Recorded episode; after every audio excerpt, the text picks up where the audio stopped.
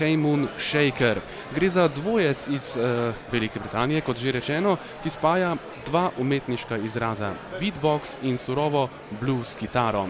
Andy in Crow je ime glasbenikoma, ki sta v preteklih letih obredla tako rekoč ves svet, od Evrope do Združenih držav Amerike. Ali sta kdaj že bila v Sloveniji, se nekako ne morete poenotiti, tako da ne moremo z gotovostjo reči, da je to njun prvi obisk. Predstavita pa se nekako takole. I guess uh, the best way to describe the show is uh, you've never seen anything like it. That's, I think that's enough to get you interested, but not enough for you to know exactly what the fuck it is. Hey Moon Shaker se opiše kot nekaj, kar še nikoli niste videli ali slišali.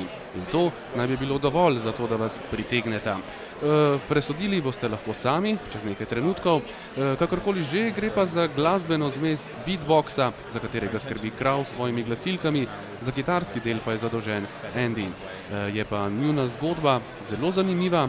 Začela sta namreč kot ulična glasbenika.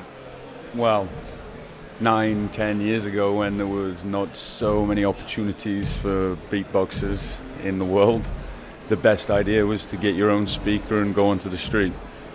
And because it's so unknown, it's like people really watching something for the first time. They're so excited.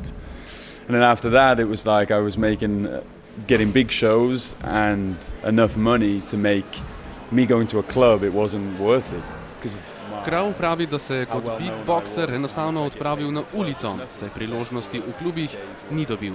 Na uličnih popotovanjih je spoznal Andyja, s katerim sta se odlično ujela in na to ustanovila dvojec Hey Moon Shaker. E, ulični nastopi so se obnesli, malo sta namreč začela če dalje več nastopati po klubih in tako se je zgodba o uspehu lahko začela. A predtem ni bilo vse rožnato, kar precej časa sta namreč preživela na cesti. Yeah, like four years.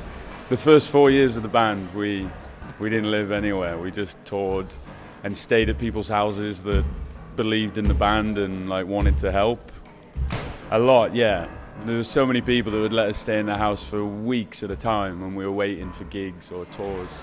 Kar štiri leta sta Shaker preživela na turnejah, pri prijateljih in tistih, ki so jo podpirali in verjeli vanjo. Pravita, da si najema stanovanja enostavno nista mogla privoščiti, niti želela, zdaj sta vse vlagala v glasbo. In uspelo jima je.